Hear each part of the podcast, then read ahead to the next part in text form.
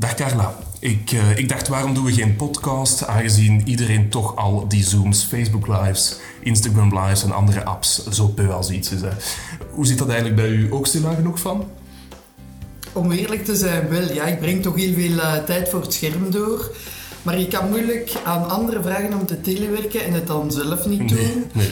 Dus we hebben in het parlement ook de maatregelen goedgekeurd uh, die maken dat we elektronisch kunnen stemmen. De plenaire en de commissies zijn gewoon kunnen doorgaan. Dus het werk is gewoon doorgegaan. Het enige wat ik toch wel mis is uh, de lichaamstaal van de andere politici. Uit dat non-verbale kan je ook heel wat uh, uit opmaken en dat zie ik nu niet gebeuren. Oké, we zitten hier wel samen in een prachtig kasteel. We gaan u straks vertellen waarom. Um, we proberen een beetje de veiligheidsmaatregelen te handhaven, hoewel het dan niet super makkelijk is. Um, daarom zal het geluid misschien een beetje ruimer klinken, maar dat moet op zich geen probleem vormen. Um, Carla, ik stel voor dat we gewoon aan beginnen en uh, dan tel ik af voor onze allereerste podcast. 3, 2, 1, start. Café Urbain. Café Urbain. Café Urbain. Stedelijk. Liberaal. Verhaal. Beste luisteraars, hier zitten we dan. Welkom op onze allereerste Café Urbain podcast. Een podcast van Open VLD Brussel. Ik zit hier vandaag naast niemand minder dan Carla de Jonge, Brussels parlementslid en voorzitter van All One VZ2. Dat is de Belgische Belangenvereniging voor Alleenwoners. Dag Carla, leuk dat je er bent. Uh, waarover gaan we het vandaag hebben? We gaan het uh, natuurlijk over alleenwoners hebben, maar ook over belastingen. Oei. Alleenwoners, waarom? Ze zijn uh, een ongelooflijk grote groep. In België is uh, 1 op 3 huishoudens een alleenwoner. In grote steden zoals Brussel is dat 1 op 2.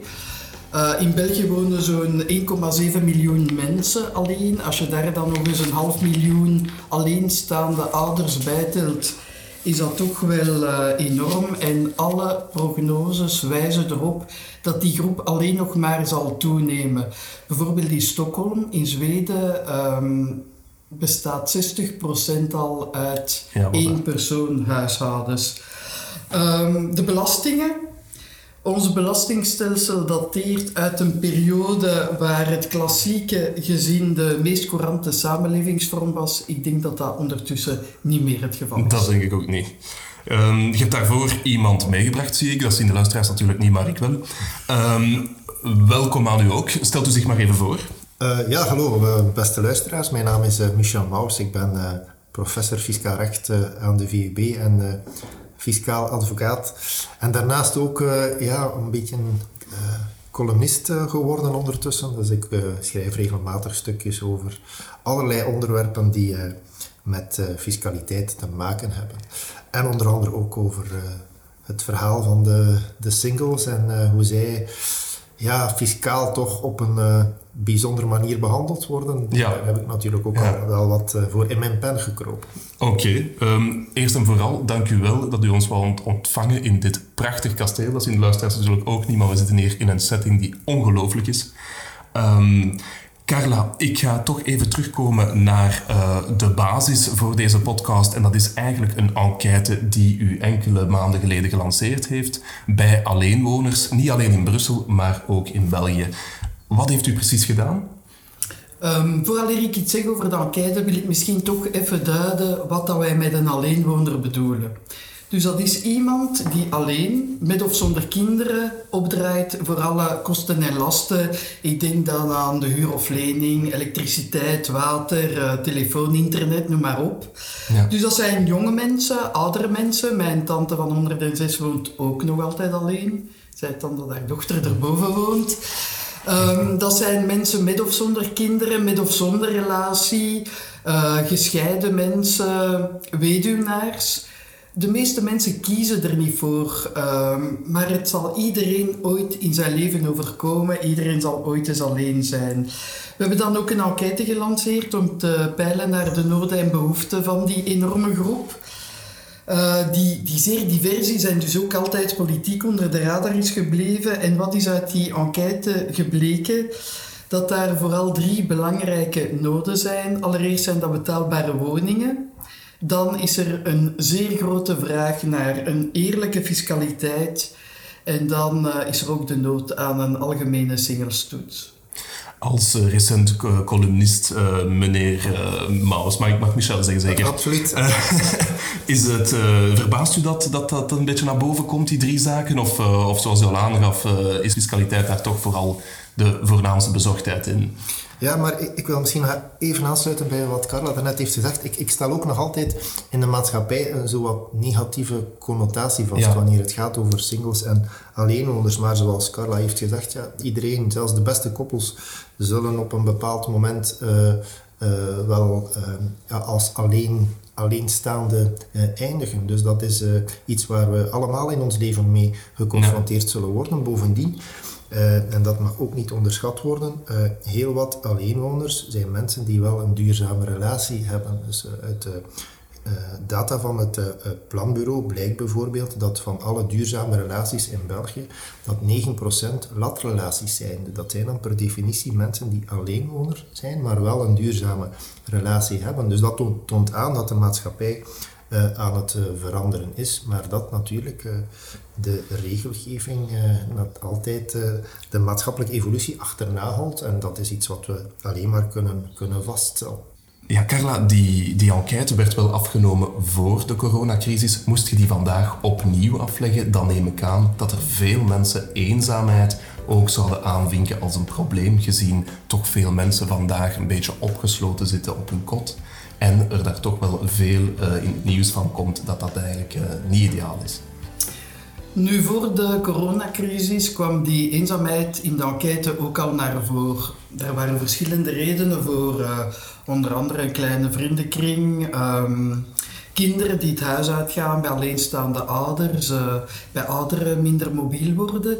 Maar wat dat we ook vooral gezien hebben, is dat die beperktere financiële slagkracht daar ook mee te maken heeft. Als je op het einde van de maand al moeite hebt om de eindjes aan elkaar te knopen, waarop ga je dan het eerst besparen? Ja, dat is natuurlijk op... Uh, we gaan met de vrienden en we gaan met de vrienden, dat betekent ook een glas gaan drinken, naar de cinema gaan, op restaurant gaan, voor corona dan. Uh, dus, maar dat kost allemaal geld. Uh, tijdens de coronacrisis zijn het vooral ouderen die heel veel met eenzaamheid te kampen hebben, omdat natuurlijk alle sociale contacten wegvallen, alle activiteiten. En de meeste sociale contacten gebeuren nu digitaal. Ja, ik zie dat bij mijn vrienden ook. Bijvoorbeeld vanavond hebben wij een kookles met een aantal alleenwoners via Zoom. Ja. Maar bij ouderen heb je dan ook nog vaak die digitale kloof. Mijn moeder kan nog altijd niet begrijpen dat ik via WhatsApp mijn zus kan zien terwijl ik ze bel. dus van een coronavirus naar een eenzaamheidsvirus, Michel. Ja, wel, ehm, we hebben op de VEB uh, vorig jaar het uh, Homo Roboticus project uh, gedaan, waarbij we eigenlijk de evolutie van technologie op de maatschappij hebben bestudeerd, maar eigenlijk vanuit het centrale standpunt van de mens. Dus wij, onze rode draad was dat technologie ten dienste moet staan van de mens. En we moeten daar een beetje voor opletten dat we dat niet gaan uh, mooier gaan voorstellen dan het in werkelijkheid is. Ook tijdens de coronacrisis en de lockdown hebben we gezien dat mensen wel met elkaar in contact kunnen blijven via sociale, sociale media, via, via Zoom, via Skype. Maar ja, een mens blijft een humaan wezen en heeft, en heeft inderdaad echt fysiek-sociaal contact, contact nodig. En um, ja, mensen in, uh, die alleenstaand zijn, die alleen uh, wonend zijn, die hebben het ook, zoals Carla al heeft gezegd, fin vaak financieel moeilijk. En dan heb je ook verhaal van de digitale kloof. En ook daar hebben wij bijvoorbeeld ook in onze Homo Roboticus-studie kunnen vaststellen dat wat de toegang tot technologie betreft, er in België toch ook nog een weg is, is af te leggen. Dus we hebben volgens eh, de data die de overheid ter beschikking heeft gesteld, kunnen vaststellen dat 85% van de gezinnen in België toegang hebben tot, uh, tot technologie, dus tot, tot internet. Terwijl dat in Nederland bijvoorbeeld 97% is. we zitten dan pal op het Europese gemiddelde. maar het toont toch wel aan dat er nog wel wat werk aan de winkel is. Michel, terugkomend op de enquêteresultaten is het heel duidelijk dat fiscaliteit bij alleenwoners het heetste hangijzer blijkt te zijn. Je het daar juist al, uh, al even uh, aangehaald. Um, is deze crisis dan eigenlijk geen goed nieuws? Want ik heb enkele weken geleden in de tijd gelezen um, dat u zei... belastingen zijn nog nooit zo leuk geweest. Ofwel dalen ze, ofwel moet u ze even niet betalen. Of is dat niet meer het geval? Wel, dat is natuurlijk uh, ja, een beetje cynisch, cynische opmerking natuurlijk geweest. Maar um, ja, we zitten natuurlijk in, in een bijzondere, bijzondere periode, in, in een crisisperiode. En vandaag raakte bekend dat volgens de prognoses we dit begrotingsjaar gaan afsluiten met een tekort van 10% van het bruto binnenlands product. Dus dan zitten we op het niveau van de zwarte crisisjaren uit de, uit de jaren 80 en dat onze schuldgraad uh, naar 119% gaat, gaat stijgen. Um, ja, de vraag is wat, wat daar dan het, uh, het concrete resultaat voor zal zijn voor, voor de belastingbetaler. Zal die de, de financiering voor zijn of haar rekening uh, moeten nemen? Er zijn wel wat economen die, die redeneren dat, ja, zoals nu met de, de droogte, dat uh, het grondwater ja, bijna op is, maar dat we ons geen zorgen moeten maken, want dat het wel weer terug gaat regenen. Ja, de economie zal inderdaad terug aantrekken, maar om er dan zo zeker van te zijn dat er geen bijzondere uh, crisismaatregelen noodzakelijk zullen zijn, daar durf ik toch mijn hand niet voor in het vuur steken. Te meer, elke grote crisis uh, in de recente geschiedenis gepaard is gegaan met crisisfiscaliteit. Wereldoorlog 1, Wereldoorlog 2, de oliecrisis in de jaren 70, de begrotingscrisis in de jaren 80, de bankencrisis in 2008. Het was altijd hetzelfde verhaal, dus er komt een boemerang op ons af. Boemerang fiscaliteit, Carla. Dat. Geen goed nieuws, hè? Nee.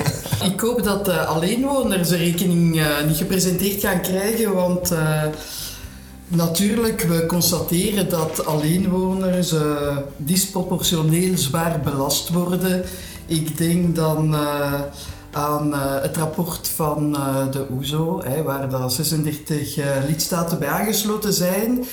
En elk jaar brengen die een rapport uit waarbij dat dan de belastingdruk op inkomens uh, wordt gemeten. En België staat daar al uh, jaar en dag op nummer 1. Dat is uh, niet zo goed nieuws, want nee. dat betekent dat een alleenwoner in België zo'n 52 procent belastingen betaalt, ofwel zelfs tot 59 procent als hij veel verdient. En naar aanleiding uh, van zo'n uh, rapport had professor Maus trouwens gezegd dat de werkende Belgische alleenstaande zonder kinderen de absolute fiscale paria van de OESO blijft. Oei, oei, oei, Michel. ja, dat is een zware uitspraak. Ja. Maar, maar het klopt wel. En wat mij mateloos, echt mateloos stoort, is dat we sinds jaar en dag op diezelfde uh, plaats staan met de gouden medaille om de nek um, in, in die ranking. En dat daar wel wat evolutie in is en de, de belastingdruk daalt, maar het is zeer, zeer miniem. En als we dan zeker gaan vergelijken met onze buurlanden, is dat toch een totaal, een totaal ander verhaal. En um, ja, we hebben zelf ook al, al eens een paar uh, enquêtes uh, afgenomen naar, naar wat mensen de ideale belastingdruk vinden. Of, uh, 0%. Ja, nee, nee, nee. Iedereen... Het, gemiddelde, het gemiddelde van de staat niet 36, denk ja, ik. inderdaad. Ja. En, en 36 procent, de, dus je hebt uh, zoiets als uh, de, de gouden snede, dus de, uh, de, de, de, absolute ja. perfecte verhouding die in de natuur overal terugkomt. Wel, als je dat gaat toepassen op fiscale, fiscale druk, dan zit je op 38 okay. procent. Okay. Dus, ja. Dat is het streefdoel waar we eigenlijk naartoe moeten gaan. En dat blijkt ook uit de enquêtes die we zelf hebben afgenomen. We hebben dat al tot twee keer gedaan, waarbij we aan mensen de vraag hebben gesteld wat Um, hoeveel procent van uw inkomen bent u bereid om af te staan aan de overheid in ruil voor wat er voor in return komt? En de meeste mensen uh, antwoorden altijd uh, 40 procent. Dat is altijd het, topantwoord. Dus dat sluit daar eigenlijk zeer nauw, zeer nauw bij aan. Het is een beetje wat u, had, uh, wat u beschreef in uw boek Party Crasher, de fiscus als pretbederver. daar, heeft u, daar heeft u toch naar verwezen, naar aanleiding van de 100ste verjaardag van de wet rond de inkomstenbelasting. Je hebt daarin gezegd dat het eigenlijk nog zo slecht niet was, 100 jaar geleden. En dat we gaandeweg een beetje van pad zijn afgelopen. Is dat nog altijd uh, courant? Wel, um, bij de, uh, de invoering van de inkomstenbelasting in 1919, net na de uh, Eerste Wereldoorlog, trouwens ook een eigenlijk een, een, vorm van crisismaatregel die men dan heeft genomen, een, een nieuw stelsel van inkomstenbelasting uh, invoeren, uh, was eigenlijk de redenering, ja, sterkste schouders, zwaarste lasten, zeer duidelijk aanwezig uh, in, die, in die beginjaren. Men had toen ook een, een progressief belastingstelsel ingevoerd. Dat wil zeggen dat hoe hoger het inkomen, hoe hoger de belasting zal zijn die je moet betalen, omdat je in schijven gaat opklimmen en voor elke schijf is er een hoger tarief van toepassing. Maar dat zat wel naar mijn gevoel in ieder geval zeer goed in elkaar. Het hoogste tarief was 27% en dat eh, was verschuldigd op het, deel van het inkomen boven 1 miljoen Belgische frank. Als we dat naar uh, de dag van vandaag zouden omrekenen, dan zou dat betekenen dat het hoogste tarief in de personenbelasting uh, van toepassing is op uh, de schijf boven anderhalf miljoen euro. Nou, dat is ook niet slecht. Hè? Dat is niet slecht, maar wat zien we in realiteit is dat de hoogste schijf al uh, toepasbaar is momenteel op 40.000 uh, euro. Dus dat wil zeggen dat we eigenlijk met de, de hoogste schijven in de personenbelasting pal in het midden van de middenklasse terechtkomen. En dat je vanaf 40.000 euro eigenlijk weinig tot uh, uh, tot geen herverdeling meer hebt uh, met, uw, met uw belastingssysteem. En daar moeten we toch wel eens, uh, eens vragen over durven stellen. Ja, Michel, u verwijst in een opiniestuk naar de fiscale lasten en lusten. Nu, ik moet zeggen, ik vind dat wel heel mooi verwoord. Um, de lusten worden meestal per persoon toegekend, terwijl de fiscale lasten meestal per gezin gedragen worden. Ja, dan zie je meteen dat de alleenstaanden of de alleenwoners een beetje de pineut zijn. Um, gaan de alleenwoners de crisis betalen? Wel, het is inderdaad wel een verhaal van fiscale uh, lusten en lasten die toch wel in het oog springt voor alleenwoners. Wie als alleenwoner een, een huis koopt, ja, die zal uh, bijvoorbeeld de onroerende voorheffing alleen moeten dragen. Wie dat als koppel doet, die kan dat natuurlijk over twee inkomens gaan, gaan spreiden. Anderzijds moeten we wel uh, toegeven dat er ook al wat uh, positieve evolutie is. de afschaffing van de woonbonus bijvoorbeeld is daar een mooi voorbeeld van. wie een huis koopt als koppel had recht op twee keer de woonbonus en zal dat ook hebben gedurende de looptijd van de lening die is afgesloten voor 2020. Maar wie als alleenwoner een huis koopt, heeft maar één keer recht op die woonbonus. Dus dat is toch wel een merkelijk financieel verschil, uh, maar dat nu gelukkig toch, uh, toch is afgebouwd. Dus uh, ja, het is eh, iets wat in positieve zin aan het eh, evolueren is, maar zeker alle problemen zijn, zijn nog niet opgelost. En alleenwoners kunnen nog altijd met recht en reden ehm, argumenteren dat ze fiscaal benadeeld worden. Oké. Carla, over fiscale lasten gesproken bleek dat ook de successierechten voor veel alleenstaanden een doorn in het oog is. Hoe zit die dan in elkaar? Nu, ik denk dat het probleem zich daar vooral situeert in het feit dat als je als alleenstaande iets wil nalaten aan die zogenaamde derde, dus dat kunnen vrienden zijn of uh, neefjes of nichten of noem maar op, dat die erfgenamen daar een zeer hoge prijs voor gaan betalen. In Vlaanderen kan dat oplopen tot uh, eh, 55% erfbelasting. In Brussel en Wallonië kan dat zelfs oplopen tot uh, eh, 80%. Dat gaat mij schrijven. Hè. Dus uh, erfenissen in rechte lijn tussen partners en kinderen, daar spreken we van 3 tot maximum 30 procent. Um, alleenwoners zonder kinderen, die hebben gewoon die keuze niet. Dus wij pleiten feitelijk in het parlement al jaren voor een vriendenerfenis.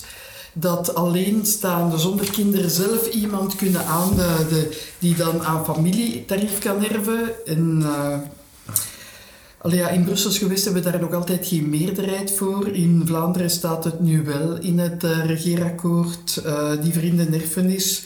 Dus dat er tot 12.500 uh, euro aan een goede vriend zou kunnen nagelaten worden aan een tarief van 3%. Ja, dat lijkt me al een stap in de goede richting, hè Michel, of niet? Wel, als dat, uh, uh, dat voorstel zou aanvaard worden, uh, absoluut. En het is echt een zeer mooi voorbeeld van hoe de, de, de fiscaliteit de maatschappelijke evolutie achterna loopt. Alleenstaanden hebben ook sociale relaties, hebben zeer goede genegenheidsbanden met andere personen. Ik denk maar bijvoorbeeld aan de, de meter-Peter relaties. Als, mijn, als ik Peter ben van uh, het, het, kindje van mijn beste vriend, ja, dan is dat voor mij uh, op fiscaal vlak een vreemde. Als mensen latrelaties met elkaar hebben, ik heb het daarnet al gezegd, 9% van alle duurzame relaties zijn latrelaties. Voor de fiscaliteit zijn dat vreemden ten aanzien van elkaar. Dus als die eh, een testament maken in elkaars voordeel, ja, dan worden die belast aan de, aan de hoogste tarieven. Dat is, dat is eigenlijk uh, krankzinnig dat dit nog niet is, uh, is aangepast. Ja, inderdaad, absoluut. Ook alleenwoners hebben een baksteen in de maag en ik ben zelf ook alleenwoner, dus ik kan ervan meespreken. Maar een woning kopen in Brussel bijvoorbeeld is zeker niet evident. Als ik even terugkoppel naar de enquêteresultaten, Carla, dan blijkt dat 16% van de respondenten die momenteel een woning huurt, denkt dat hij of zij een eigen woning zal kunnen verwerven binnen vijf jaar. Dat is eigenlijk heel, heel weinig, omdat je weet dat 58% weet dat het financieel niet haalbaar zal zijn. Hoe kunnen we daar als overheid een beetje op inspelen? Nu, ik ken natuurlijk het best uh, Brusselse situatie en ik wil daar uh, toch wel even verwijzen naar uh, de woonbonus waar Michel het daar straks over had. Hij maakte ook deel uit van de groep experten die in de vorige legislatuur onze minister Aha, okay. van Financiën en Begroting heeft geadviseerd om die fiscale hervorming door te voeren. Uh, daar is onder andere de forfaitaire gewestbelasting afgeschaft. Een zeer goede zaak, want ik betaalde 89 euro, maar het gezin met drie kinderen naast mij betaalde ook 89 euro. De personenbelasting is verlaagd met anderhalve procent. En in Brussel hebben ze de woonbonus vervangen door een uh, forse korting op de registratierechten. Wat houdt dat in? Dat bij een eerste aankoop op een huis tot 500.000 euro, dat je op de eerste 175.000 euro geen registratierechten betaalt. Dat scheelt dus uh, een grote som. Hè. Dat kan gaan tot bijna 22.000 euro. En dat is natuurlijk uh, een uh, fantastische stap geweest voor, voor mensen met een laag inkomen, voor jonge starters, voor alleenwonenden. Als het aan mij ligt, ik vind dat ze nog een stapje verder zouden mogen gaan tot die eerste 230.000. Dus uh, daar zijn we voor nu aan pleiten. Ik denk dat je mijn volgende vraag dan misschien wel al wat kan afleiden aan het uh, antwoord dat Michel dan net heeft gezegd. Maar uh, als je kijkt dat Wallonië de woonbonus vervangen heeft naar een wooncheck of een check habitat en Vlaanderen koos voor een verlaging van de registratierechten van 7 à 6 procent. Ja, welk systeem is nu eigenlijk het best? Ik weet dat je vrij partijdig bent, hè, maar staat je daar nu nog altijd zo op te kijken? Ja, het, is, het, is, moeilijk om, om, het beste systeem eruit te pikken, omdat uh, uh, je eigenlijk de volledige fiscaliteit moet er, erbij sleuren. En dan eigenlijk een, een, analyse moet maken van de fiscaliteit in zijn uh, algemeenheid, zowel in Brussel, Vlaanderen uh, of Wallonië. Maar ehm, ik ga misschien juist het verhaal van de aankoop van een woning is, is uh, erbij nemen en het verhaal Brussel-Vlaanderen is naast elkaar plaatsen. Brussel heeft gekozen voor de afschaffing van de woonbonus en vervangen door een voetvrijstelling van 175.000 euro. Dus je betaalt geen registratierechten op de eerste 175.000 euro. Vlaanderen heeft gekozen voor het uh, verlaagd tarief van 7% naar 6%. Nu, Brussel, het Brussel systeem is veel sociaal vriendelijker. Uh, het uh, Vlaamse systeem is dat eigenlijk niet, omdat ook uh, de tariefverlaging voor, voor supergrote, dure woningen ook wordt toegepast. En in bepaalde gevallen, maar dan spreken we echt al over, over topvastgoed van, van meer dan 3 miljoen euro, is het nieuwe systeem zelfs voordeliger uh, voor, uh, uh, voor de mensen die die woningen kunnen aanschaffen dan, dan het vorige systeem. Dus dat wringt wel, wringt wel ergens. Dus vandaar, als we de aankoop van een woning, als we enkel daarop focussen, dan, dan ben ik natuurlijk uh, Brusselse voorstander. Uh, dat is, dat is Brussel mag ook geen zijn leidersrol ja. innemen. dat zijn we niet zo gewoon normaal. um, ik ga nog even terugkomen naar Carla, want um, u, in, uw, um, in uw antwoord op de uh, enquête had u ook een voorstel gedaan om alle wetgevingen of, of, voorstellen in het parlement te toetsen aan een single reflex. Uh, heb ik dat zojuist omschreven of wat houdt dat precies in voor de luisteraars? Ja, ik denk dat beleid te weinig rekening houdt met de specifieke noden, met de kleinere financiële draagkracht van alleenwoners ten opzichte van gezinnen met twee inkomens natuurlijk en dat speelt eh, op alle gebieden. Hè. Dat is niet alleen fe- federaal, dat is ook gewestelijk. Maar dat is bijvoorbeeld ook op eh, gemeentelijk niveau. Hè. Ik denk bijvoorbeeld aan eh, iets simpels zoals een afvaltax. eh, waarbij dat het me duidelijk lijkt dat een alleenwoner veel minder eh, vuilnis buiten zet dan een eh, gezin met drie kinderen. Ik zet zo om de twee, drie weken een klein zakje buiten. Hè. Ik zie wat eh, gezinnen naast mij buiten aan de straatkant zitten. Ehm, dus forfaitaire taxen bijvoorbeeld zijn een enorme doorn in het oog van eh, alleenwoners. hè. We hebben het daar straks ook gehad over die gewestbelasting die afgeschaft is. In Mechelen hebben ze daar bijvoorbeeld de mouw aan proberen passen. Ze geven nu een Mechelenbon, een bon van 25 euro, om die afvaltax, hè, die forfaitair is, een beetje te compenseren. Dat lijkt niet veel, maar het is natuurlijk een stap in de goede Ja. richting. En het betekent ook dat ze er zich van bewust zijn dat er ergens iets niet klopt. Goeie voorbeelden, Michel? Wel, ik ben de, de laatste jaren eigenlijk eh, een beetje uit mijn eh, eh, rol als jurist aan het stappen en ik eh, hou mij meer en meer bezig met de fiscale psychologie. En ehm, er is nog altijd een algemene tendens dat kleine belastingen eigenlijk weinig rechtvaardig moeten zijn. Dat men daar een forfaitair bedrag voor kan eh, opleggen aan, aan, aan de burger. En dat voor eh, belastingen die, die zwaar doorwegen, zoals eh, bijvoorbeeld de inkomstenbelasting, dat men daar moet gaan differentiëren om, om de belasting sociaal rechtvaardig te maken. Maar dat zijn theorieën van de jaren, de jaren stilletjes. Momenteel kijkt men daar toch een beetje anders, eh, anders naar. Het verhaal van de fiscale koterijen is natuurlijk gekend, maar als we naar die kleine belastingen kijken, zoals de huisvuilbelasting, ja, dat is een doorn in het oog voor heel wat alleenwoners. Dus men mag de, de, de fiscale psychologie daar niet van onderschatten. Dat doet, zelfs die kleine belastingen doet mensen een aversie, eh, brengt een aversie op van mensen voor, voor fiscaliteit, terwijl dat net andersom zou, zou, moeten, zou moeten zijn. Dus... ehm, de singletoets ook voor zeer kleine, kleine belastingen eh, lijkt mij toch wel eh, goed iets wat, wat, ja. wat eh, als de politiek dicht bij de burger wil staan, denk ik iets wat, eh, wat men moet doen. Het zijn kleine gebaren, maar met grote psychologische impact. Oké, dankjewel. Ehm Carla, wij moeten eigenlijk binnenkort onze belastingsbrief invullen, zeker? Inderdaad, het is weer die tijd van het jaar eh, Oh, waarbij iedereen zijn belastingaangifte moet doen. Ehm, die wordt elk jaar complexer met eh, extra codes. Eh, Michel, misschien heb jij een gouden tip voor alleenwoners die momenteel hun belastingaangifte aan het invullen zijn. Legaal, hè? Ja, Allee, ja, die hebben- Illegaal mag na de podcast. Ja, er is maar één, eh, één tip die ik kan meegeven, dat is kinderen maken. Dus, Ik weet dat daar een beetje te laat voor is. Maar, maar als je natuurlijk, ja, als we terug, terugkoppelen bij, bij eh, het, eh, het rapport van de OESO over het belasten van arbeidsinkomen. de, de fiscale paria, dat zijn Belgische alleenstaanden zonder kinderen. En dat is ook maar een vaststelling die we kunnen doen, dat zodra er kinderen zijn, kinderen ten laste zijn, dat die belastingdruk er totaal eh, anders gaat, eh, gaat uitzien.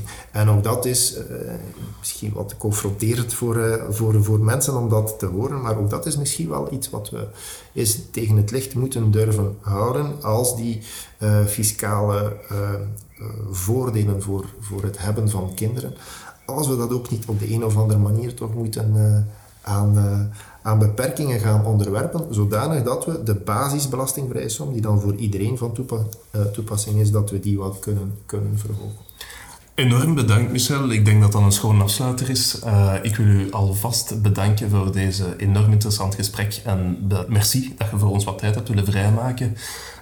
Carla, goh, we zijn nu misschien wat negatief geweest hè, over eh, alleenwoners. Ik ben zelf alleenwoner, jij bent alleenwoner. Michel, jij, ik weet niet of dat u alleenwoner bent. Eh, eigenlijk wel, ja. Op dit moment wel. Dus eigenlijk heeft het zeker ook zijn voordelen. Ik denk maar aan mezelf. Goh, ik, eh, ik moet mijn afstandsbediening niet delen. En ik mag ongeschoren in mijn huis lopen zonder probleem. Ik weet niet of dat, dat bij u zit. Ik denk dat eh, wat uit die enquête vooral naar voren gekomen is, wat dat als voordelen ervaarde, dat vrijheid. Het woord vrijheid is ongelooflijk eh, veel voorgekomen. De vrijheid om te doen wat je wil, wanneer je wil, met wie je het wil. En dan ook eh, natuurlijk, je leert jezelf veel beter kennen en eh, je hebt de tijd om na te denken wat jouw verlangen en noden zijn. En dat is ook wel belangrijk, denk ik. Daar is mij alleen nog maar mijn sprekers te bedanken. Dank u wel om hier aanwezig te zijn. Michel Maus, professor fiscaal recht en Carla de Jonge, Brussels parlementslid. Bedankt ook aan onze luisteraars voor onze eerste aflevering van Café Urba podcast. Wij hopen er zo snel mogelijk opnieuw te zijn. Dank jullie wel en tot volgende keer. Bedankt om te luisteren. Ik was Frederik Keulemans. De podcast werd gemaakt door de fractie van Open VLD Brussel. Vond je deze aflevering interessant? Dan kan je je abonneren via Apple Podcasts of YouTube. Bent u geïnteresseerd in onze werking van Open VLD Brussel? Volg ons dan op onze social media of schrijf je in voor onze nieuwsbrief op openvldbrussel.be. U kan ons contacteren via info.openvldbrussel.be. Tot de volgende keer.